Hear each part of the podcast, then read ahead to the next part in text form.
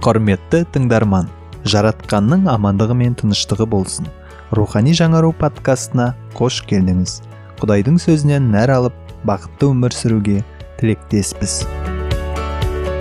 Сіздің назарыңызға құдай танушы джон макартурдың уағыздар топтамасын ұсынамыз. Сегізінші бөлім. Иса өзін ешқашан қорғаған емес ешқашан. Алайда ғибадатхананы әкесінің үйін.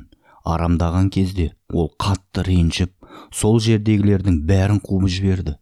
Дегенмен де киелі кітап оны кішіпейіл деп атайды. Кішіпейілділік әлсіздік емес. Кішіпейілділік құдайды қастерлеуге бағытталған күш. Бұл ешқандай да өзін қорғау үшін бағытталмаған. Иса бірнеше мыңдаған періштелерді шақырып ала алатын еді. Бірақ ол олай істемеді. Себебі ол ешқашан қорғанған жоқ. Кішіпейіл болу дегеніміз не? Бұл бақылауға алынған күш. Сіз өзіңізге қарап күнәңізді көріп рухыңызбен қиналасыз. Сол үшін жылап ешқандай жақсылыққа лайық емес екендігіңізді түсінесіз. Құдайдың келілігін оның назарын көріп оның киелі есімін қорғап ол үшін өлуге дайын боласыз. Бұл яхудилер үшін түбегейлі өзгерісті талап етті. Олар өздерінің киеліліктерін дәлелдеуге соншалықты тырысты бірақ екі жүзді болып шықты. Олар ақыр көк патшалығына кіре алмады. Себебі кішіпейілділік туралы ешқандай түсініктері болмады. Олардың күштері бағындырылмаған. Олар өздерін ренжіткендерге бас салуға дайын болды. Бұл кішіпейілділік емес. Кішіпейілділік қалай көрінеді? Мұны кішіпейілділікті іс жүзінде көргенде жақсырақ түсінер едік. Сондықтан бірнеше мысал келтіруге рұқсат етіңіз. Алдымен жаратылыстың басталуы он үшінші тарауын ашайық. Бәрімізге белгілі оқиғаны оқиық. Бұл ыбырайымның оқиғасы. Ол халдейлердің жерінде кәдімгі осы дүниелік қалада өмір сүрді. Жаратқан ие ыбырайымға ыбырайым сен менің адамым боласың тұр да қаладан шық деді. Мен көрсететін жерге бар. Құдай ыбырайыммен керемет келісім жасады. Құдай былай деді. Мен сенімен келісім жасаймын. Ұрпақтарың көктегі жұлдыздардай және теңіз құмындай сансыз көп болады. Ыбырайым мен сенің игілігіңе жер беремін. Сенімен теңдесі жоқ келісім шарт жасаймын. Сен менің адамымсың. Сенен ұлы халық тарайтын болады. Ыбырайым құдайдың таңдаулысы болды. Оның лут есімді жақын туысы болды. Жетінші аятқа қарайықшы. Ыбрам мен луттың малшылардың арасында дау жанжал туа бастады. Біздің ойымызша ыбырайым былай деуі керек еді. Келісім кіммен жасалды? Әрине сізбен ыбырайым аға. Балам солай екенін ұмытпа келісім менімен жасалды деп өзінің беделіне жүгінуге болатын еді. Оның олай етуге толық құқығы бар еді. Бірақ ол құдайдың адамы болды. Ыбырайымда таңдау болды. Себебі келісім онымен жасалды. Ал лут болса бар болған оның кедей туысы ғана еді. Ыбырайым осы жағдайда не істеді дейсіз бе? Сегізінші аятқа қараңыз. Сонда ыбырам лутқа екеуі ара сондай ақ малшыларыңыздың арасында дау жанжал туғызбай ақ қояйық ағайынды адамдарымыз ғой. Бір бірімізден бөлінейік. Қалаған жеріңді таңдап ал. Сен сол жаққа таңдасаң мен оң жаққа. Сен оң жақты қаласаң мен сол жаққа кетейін деп ұсыныс жасады. Яғни екеуміздің арамызда араздық туғанын қаламаймын деді. Сен өзіңе ұнағанды ал мен қалғанын аламын. Ол жердің жақсысын оған берді. Бұл кішіпейілділік ыбырайымның кез келген жер телемін алуға құқығы болды ма? Ол лұтқа рұқсат етпеуіне болатын еді. Бірақ оның жағында күш болды. Алайда ол онысын өзін қорғауға пайдаланған жоқ. Бұл құдайға бағынудың керемет үлгісі.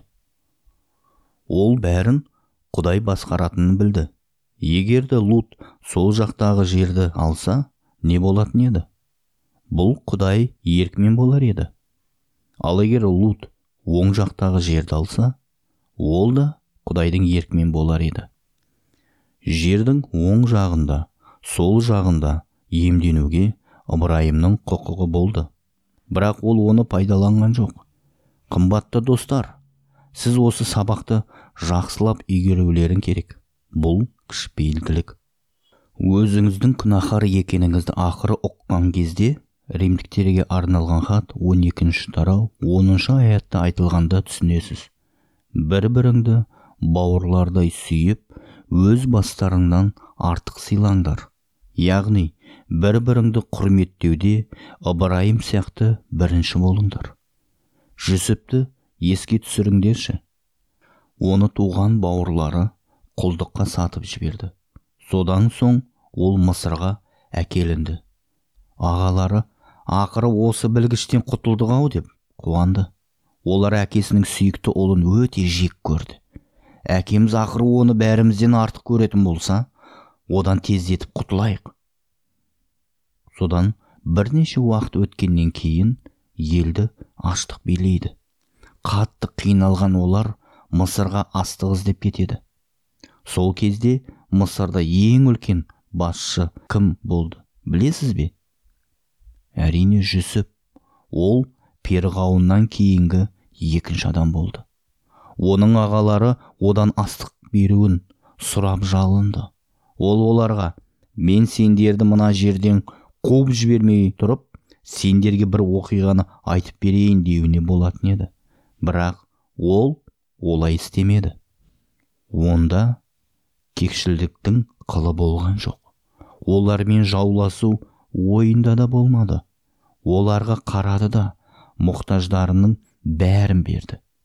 Ол сондай ақ олармен бірге буняминнің жоқ екенін де байқады. Ол оны сондай көргісі келді.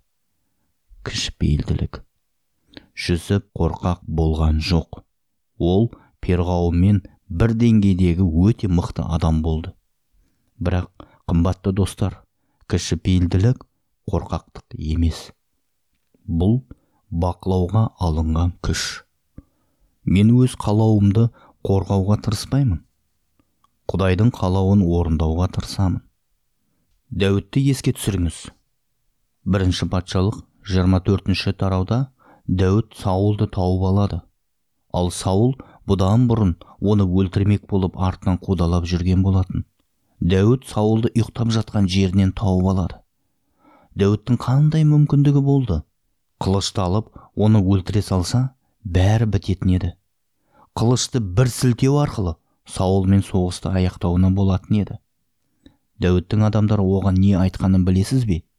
Дәуіт ойланба егер оны өлтірмесең саған өмір жоқ деді. Дәуіт не істеді? Ол пышағын алып ұйықтап жатқан саулдың шапанының шетінен кесіп алды. Ол оны саул дәуіттің қасында болғанын бірақ өлтірмегенін білу үшін жасады. Көргеніңіздей дәуіт мүмкіндікті пайдаланған жоқ. Олай істеуге оның күші де құқы да болды. Оның қолында пышағы болды. Саул ұйықтап жатты. Солай істеуіне толық мүмкіндігі болды. Алайда ол солай істемеді. Екінші патшалық 16 тарауда дәуіттің өз ұлы абиссаломмен арасындағы келіспеушілікті оқимыз. Ол патша сарайына төңкеріс жасап дәуітті қаладан қуып шықты. Дәуіт шөл далада жүреді. Бір кезде оған семей есімді адам кездеседі. Ол оған дәуіт сен өз ұлың сені қуып жібергендіктен осы жерде жүрсің. Сен Исраилдің ұлы патшасы емессің бе? Бұлай тығылып жүргенін қалай дейді? Оның жақын інісі овес дәуіт мен барып оның басын кесіп алайын патшаны қорлайтындай кім өзі? деді. Екінші патшалық 16 тарау 9 аятта мен қазір барып басын шауып тастайын деді. Дәуіт оған қарады да жоқ керек емес оны жайына қалдыр деді. Ол өзін қорғаған жоқ. Оның керемет бір қасиеті өзін құдайдың еркіне толық бағындыруы болды. Егер де оған бағынатын адамдар болса құдай бұл өмірде бәрін де жасай алады. Бірақ ол өз еркімен жүретін адамдар арқылы әрекет етпейді. Оның патшалығындағы оған мойынсынатын адамдар болуы керек. Яхудилер туралы айтсақ олар бұған дайын болған жоқ. Мұсаны есімізге түсірейікші. Руларды санау кітабының 12 тарау 3 аятта мұса жер бетіндегі барлық адамдардың ең кішіпейілі болатын. Ол кішіпейіл болды ма? Ол өте мықты адам болды. Мысалы ол еврейлерді ұрып жатқан бір мысырлықты өлтірді. Содан соң ол перғауынға барып менің халқымды босат деді. Перғауын өзінің бақсы балгерлерін жинап олар бірнеше кереметтер көрсетті. Мұса да сондай кереметтерді көрсетті. Тіпті одан да артығын көрсетті. Содан соң мұса перғауын менің халқымды босат деп тағы да айтты. Мұны кішіпейілділік деп атау қиын. Ол синай тауынан түскен кезде оның інісі харонның алтыннан жасалған бұқаның мүсініне табынып жатқан халықты басқарып жүргенін көрді. Бұл мысырдан шығу кітабының 32 тарауы 19-20 аятында айтылған. Мұса жас бұқа мүсінін әрі би билеген халықты көргенде қаһар лаулады сонда ол тау етегінде тұрып қолындағы тас тақташаларды жерге лақтырып жіберіп быт шытын шығарды. Бұдан кейін исраилдің жасап алған жас бұқа мүсінін алып отқа салып құртты. Одан қалғанын ұнтақтап үгіп суға араластырды да соны халыққа ішкізді. Ол ашуға булыққанын қараңызшы. Мұса сен неге қаһарланасың? Мен сендердің құдайға қарсы істегендеріңе ашуланамын. Сендер құдайдың бұйрығын бұзғандықтан мен қаһарланамын. Менің көз алдымда сендердің басқа құдайларың болмайды. Өздеріңе ешқандай бейне жасамаңдар. Ол өзінің қалауын қорғаштаған жоқ. Құдайдың еркін қорғады. Мысырдан шығу кітабының үшінші тарауында құдай оған мұса сен менің адамым боласың деген кезде ол құдайым менің саған керегім не? Менің қолымнан ештеңе келмейді. Менің ештеңеге қабілетім жоқ. Оның үстіне тұтығамын. Сен менің израиль халқын мысырдан алып шыққанымды қалайсың ба? Мен бір мысырлықты өлтірдім. Бұл мен үшін шөл даладағы қырық жылыма татады мен екі миллион яхудейді бұл елден қалай алып шығамын? Мен мұны істей алмаймын. Менің қолымнан келмейді. Көрдіңіз бе? Ол өз күшіне сенген жоқ. Құдай алдында өзін ақтаған да жоқ. Алайда ол құдай жағында тұра алды. Бұл кішіпейілділік осындай нәрсені паул туралы да айтуға болады. Філіпліктерге арналған хаттың үшінші тарауы үшінші аятында ол былай деп жазады. Біз құдайдың рухани сүндеттелген халқымыз. Құдайға киелі рухының көмегімен қызмет етіп мәсіх исаны мақтан етеміз. Әрі өз болмысымызға сүйенбейміз. Ары қарай філіпліктерге арналған хаттың төртінші тара он үшінші аятында былай дейді. Маған күш қуат беретін мәсіхпен бірге болсам бәріне де төзе аламын. Мен сіздерге айырмашылық неде екенін көрсеткім келеді. Шежіре кітабының жиырма алтыншы тарауы бізге ұзияқ патша туралы айтады. Есіңізде ме? Оның өлетін жылы ишая пайғамбар мен құдайды көрдім. Иша пайғамбар осыны айтқан кезде жылады. Себебі ұзияқ патшаның өлімін көрді. Ұзияқ жауынгер болды. Шежіре кітабының екінші жазбасы 26 тарау 6 аятта. Ұзияқ жорыққа аттанып філістірлермен соғысып ғат ябнех аждод қалаларының қамалдарын қиратып тастады. Кейін ол аждод аймағында және філістірлердің қалған жерлерінде өз қалаларын салғызды. Ұзияқ оларды жер бетінен жойып жіберді. Олардың жеріне өздерінің қаласын тұрғызды. Філістірлер сөзі ежелгі палестина сөзінен шыққан.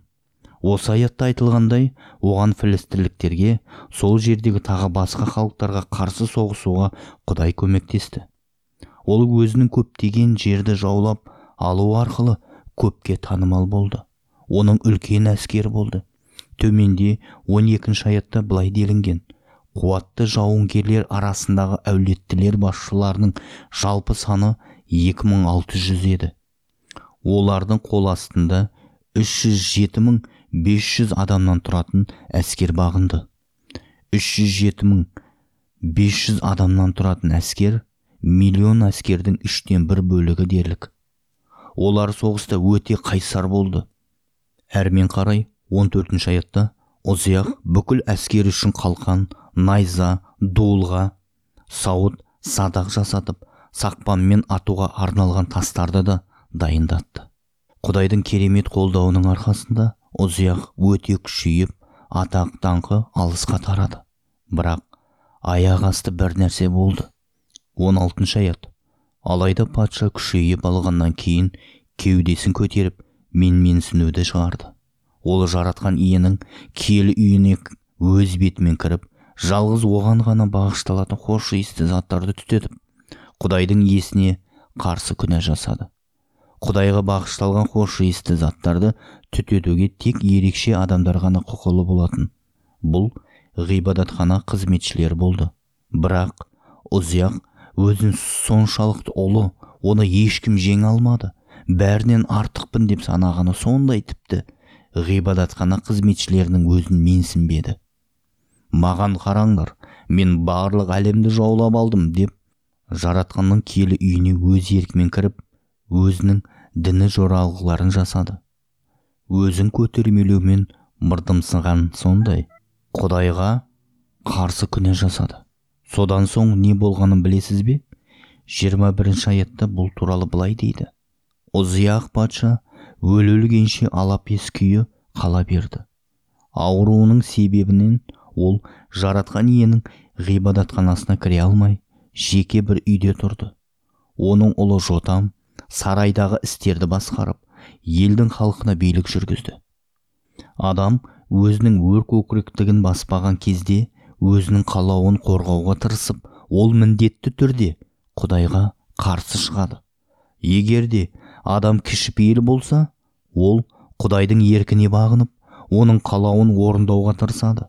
Себебі оған өзін қорғаудың қажеті жоқ. Енді матай жазған ізгі хабардың бесінші тарауының бесінші аятына оралайық. Келесі сұрақ. Нәтиже қандай? Бәрінен де бұрын мына жерде кішіпейділер бақытты деп жазылған. Бақытты болғыңыз келе ме? Мен жеңіл мағынадағы осы дүниелік бақытты айтып тұрғаным жоқ. Мен шынайы бақытты айтып тұрмын. Құдай түсінігіндегі бақыт сарқылмайтын шынайы қуаныш. Иса кішіпейділер бақытты дейді. Екінші керемет нәтиже олар жерді иемденетін болады.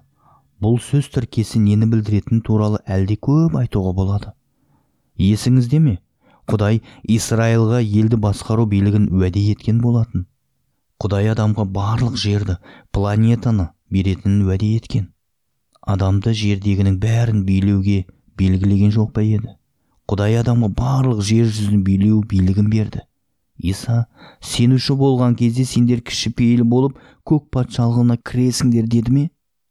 Сендерге әуелі бастан тиесілі мұра қайта оралады. Сендер қайтадан жұмақты иемденесіңдер деген жоқ па еді? Қымбатты достар біз жерге иелік етпейміз бе? Иса мәсіхпен бірге жер бетінде оның патшалығында билік етіп жүрген жоқпыз ба? Әрине солай. Иса бізге не айтқысы келеді? Көктегі патшалықта адамдар жерді иемденеді. Және менің патшалығыма менмендер емес тек кішіпейділер кіреді. Өздерін күнәсізбін дейтіндер емес күнәларына өкінгендер кіреді. Бізде бәрі дұрыс деп күлетіндер емес бәрінен төменмін деп жылайтындар кіреді. Есіңізде ме? Ишая пайғамбар жаратылыстың басталуында құдай исраилдықтарға жерді иемденетіндіктерін уәде еткен туралы жазады. Алайда израильдіктер уәде етілген жердің бәрін иемдене алмады. Олар әлі күнге дейін уәде етілген жердің тек жартысын ғана иеленіп келеді. Уәде етілген жердің бәрі олардікі емес. Ыбырайым арқылы берілген алғашқы уәде бойынша ефратқа дейінгі барлық жер израильдікі болуы керек болатын. Бұл орындалмаған уәде сияқты. Ишая пайғамбардың жазбасының елу бесінші тарауында мәсіх келетін күн туады. Сол кезде сендерге жердің бәрі беріледі деп жазылған. Яхудилер сол кезде не ойлағанын білесіз бе? Мың жылдық патшалық күштілердің өзімшілдердің қолында болады деп ойлайды. Иса жоқ деп жауап береді. Жер кіші пейілділерге тиесіл болады деді.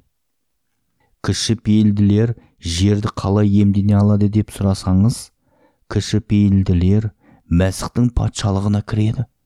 Оны ол өзі жасайтын болады. Киелі кітаптың ежелгі грек аудармасында былай делінген. Кіші пейілділер бақытты. Себебі жерді тек солар иемденетін болады. Исаның не айтқанын есіңізде ме?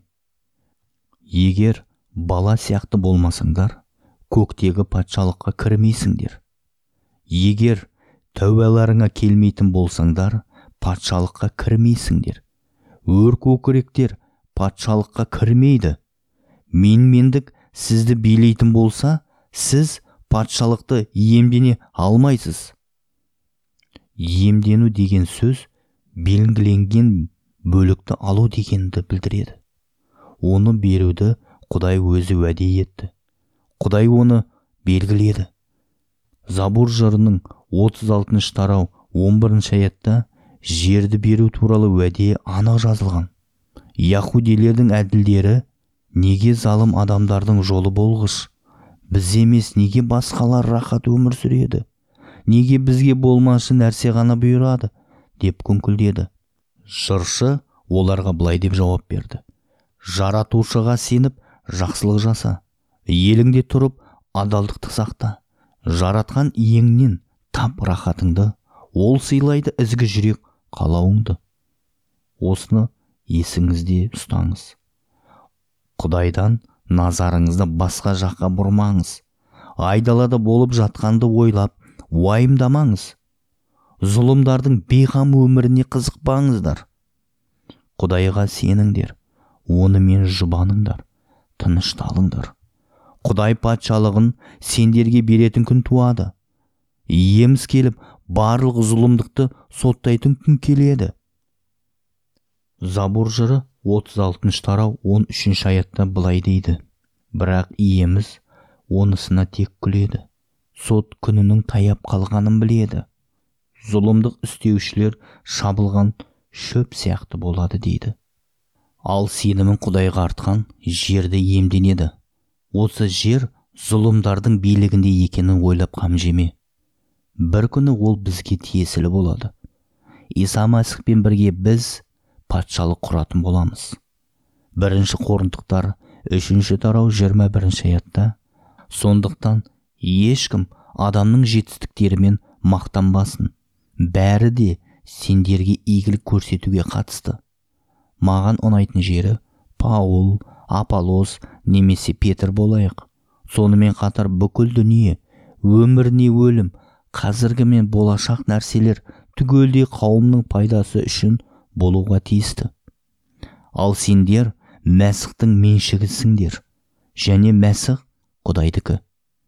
Бәрі сендер үшін сендердікі патшалық сендердікі. Әрмен қарай алтыншы тарауда паул былай дейді. Осы дүниені сендер айыптайтын боласыңдар. Патшалықта осы әлемді сендер соттайтын боласыңдар. Періштелерді сендер соттайтын боласыңдар. Мәсіхшілер израильмен бірге көк патшалығын бөлісетін болады. Сондай күн туады бұл болашақта болады. Алайда бұл аятта бүгінгі туралы да айтылған. Айтылғандардың бәрі қазірдің өзінде біздікі. Мұны былай елестетуге болады. Патшалық қазірдің өзінде біздікі. Бірақ біздер мәсіхшілер кәмілеттік жасқа толмайынша біз оған кіре алмаймыз. Оны иемдене алмаймыз. Бірақ ол қазірдің өзінде біздікі. Көрдіңіз бе? Біздің патшалықта болуымыз әлемге басқа көзбен қарауға көмектеседі. Барлық жер беті мәңгілік бізге тиесілі. Кішіпейілділік неге соншама маңызды? Себебі тек кішіпейілділер құтқарылу алады. Забур жыры 149 тарау 4 аятта былай делінген. Жаратқан өз халқынан рахат табады. Кішіпейілділерді даңқтап құтқарады. Кішіпейілділік жоқ па? Құтқарылу да жоқ. Егер де сіз құдайға өкінген жүрекпен жылап момындықпен келмейтін болсаңыз оның келілігінің алдында сіз құтқарылу алмайсыз. Міне сондықтан да бұл соншалықты маңызды. Жақыптың хаты бірінші тарау жиырма бірінші аятында былай делінген. Жүректеріңе себіліп жатқан ізгі хабарды кішіпейілділікпен қабылдаңдар. Егер де сізде кішіпейілділік жоқ болса рухыңыз қорланбаған болса сіз құдай сөзін тыңдамайсыз да оны қабылдай алмайсыз. Біз кішіпейілділікке мұқтажбыз. Себебі онсыз құтқарылу болуы мүмкін емес. Себебі бұл құдайдың өсиеті. Онсыз құдай сөзін қабылдау мүмкін емес. Кішіпейілділік сізге куәлік келтіру үшін де керек. Онсыз ол өсиетті орындай алмайсыз. Әсерлі куәлік беру мүмкін болмайды. Міне петрдің бірінші хатының үшінші тарау 15 аятына былай делінген. Сендер ұстанған үмітті түсіндіруді сұраған кез келген адамға жауап беруге әрдайым дайын болыңдар деуінің де себебі осында. Кішіпейіл болу тек құдайдың өсиеті болғаны үшін ғана ма? Құдайдың сөзін қабылдап құтқарылу алу үшін ғана ма? Жоқ кішіпейілділік сонымен қатар құдайдың атын даңқтайды петрдің бірінші хатының үшінші тарау төртінші аятына былай делінген. Қайта көріктерің жүректеріңдегі көзге көрінбес ызғы қасиеттерден тұрсын. Мейірімді де сабырлы жан дүниелеріңнің мәңгі солмайтын көркі құдай алдында аса бағалы. Сонымен кішіпейілділік дегеніміз не? Бұл бақылауға алынған күш. Ол қалай көрінеді? Өмірдің барлық жағдайларында сіз өз қалауыңызды емес құдайдың қалауын орындайсыз. Нәтиже қандай? Шынайы бақыт және көктегі патшалыққа иелік ету. Кішіпейілділік неге маңызды? Ол құдай сөзін қабылдау үшін керек. Оның сөзін басқаларға жеткізу үшін керек. Сондай ақ адамның ең жоғарғы міндеті құдайды даңқтау үшін керек. Мен қалай кішіпейіл болуыма болады? Өзімді қалай тексеруіме болады? Кішіпейілмін бе? Жоқ па? Егер де мұны білгіңіз келсе мына сұрақтарға жауап беріңіз. Мен өзімді ұстай аламын ба? Ашуға берілемін бе? Құдай сөзіне бағынамын ба? Егер мен кішіпейіл болсам сөзді кішіпейілдікпен қабылдаймын ба? Әрқашан әлемге ұмтыламын ба? Татуластырушымын ба? Кішіпейілділік осылардан көрінеді. Кішіпейілділік кешіреді қалыптастырады бейбітшілікке шақырады.